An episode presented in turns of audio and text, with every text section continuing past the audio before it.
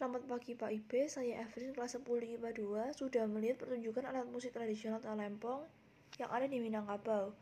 Juga diiringi dengan alat musik tambahan lain yaitu bansi dan gendang. Menurut saya pertunjukan tersebut dapat dinikmati dan membuat orang yang mendengarkannya menjadi tenang. Sayangnya pertunjukan tersebut malah ditampilkan dan menjadi pertunjukan di negara lain bukan diapresiasi oleh negaranya sendiri. Setiap daerah memiliki alat musik tradisional yang di mana alat musik tradisional ini harus dijaga dan dilestarikan. Alat musik tradisional ini tentunya juga menambah nilai keanekaragaman budaya di Indonesia. Sekian dari saya, terima kasih.